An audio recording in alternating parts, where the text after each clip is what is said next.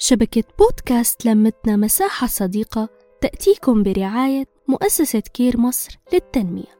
تربية الأطفال مهمة شاقة ومتعبة. وعشان نساعدك تقومي بهالمهمة حبينا نقدم لك نغمة حلوة. وسط هالضجيج الكتير اللي بحياتنا. مجموعة من الهمسات التربوية تسمعيها وتكون إلك عون ومتنفس. حلقتنا لليوم بعنوان المساواة. شو الفرق بين العدل والمساواة؟ فكرة العدل والمساواة بين الأولاد بشكل عام وبين الولد والبنت بشكل خاص. دائما نسمع الكثير من الانتقادات لما بنقول للأب والأم لازم تربوا أبنائكم مثل بعض خاصة الولد والبنت وما تفرقوا بيناتهم. تنرسم على وش الأب والأم خاصة الأب علامات تعجب كبير إنه أنت بدك يطلع الولد مثل البنت. أنا ضد الفكر النسوي وبيكبر الموضوع لدرجة بتقفل الحديث بطريقة عكسية. وبيصير في تشديد على البنت أكتر وتهاون مع الولد أكتر وبيطلع عنا جيل غير متوازن ما بيعرف الفرق بين حقوقه وواجباته.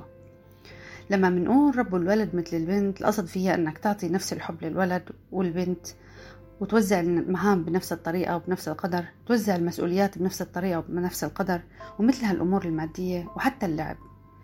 إذا ابنك طلب يشتري عروسة لعبة عادي إذا اشتريت له.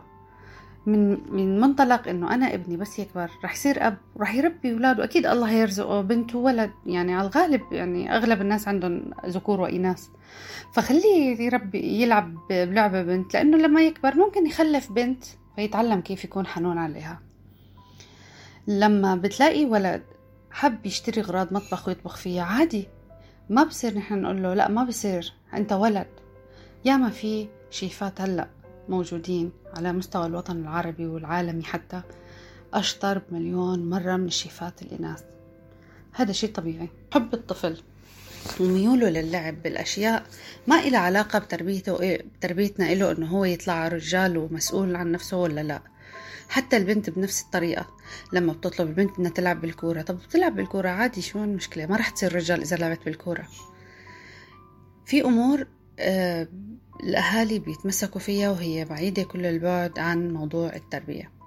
نحن لما بنقول ربوا أولادكم الولد والبنت نفس الشيء مو معناها إنه الولد أحسن من البنت أو البنت أحسن من الولد. نحن الغرض منا إنه هم ياخدوا منكم نفس الحب نفس الأمان نفس الرعاية نفس الاهتمام. مو أنا والله مثل بعض المناطق من طعم الولد أكثر لأنه الولد آه بده يكبر ويصير رجال ومسؤول عن البيت والبنت يلا تاكل أي شيء أصلا هيك هيك هي رايحة بيت زوجها. لا طبعا. أو مثلا عبارة بسمعها من بعض الآباء إنه أنا بدي عادي ما عندي مشكلة أدفع فلوس للدروس للولد بس البنت مش مهم. أصلا البنت لما تكبر وتتخرج هتشتغل وكله يروح لبيت زوجها وأولادها أما الولد لما يكبر رح يشتغل ويحمل مسؤولية الأب والأم ويصرف عليهم كان الكلام. أنت مسؤول إنك أنت توزع نفس المحبة نفس الرعاية للولد والبنت واحد وتترك المستقبل لرب المستقبل. مو أنت اللي بتقرر إنه هي البنت. رح تروح لبيت زوجها وولادها ولا الولد اللي هو هيضل ويصرف عليك. يا ما في أسر تلخبط حياتها وكانت البنت هي المسؤولة عن أهلها وهي اللي قامت فيهم بدورها الكامل اللي ما حدا أصلا كلفها فيه. ويا أولاد تركوا أبهاتهم وأمهاتهم وراحوا وما شافوا إلا حياتهم الخاصة.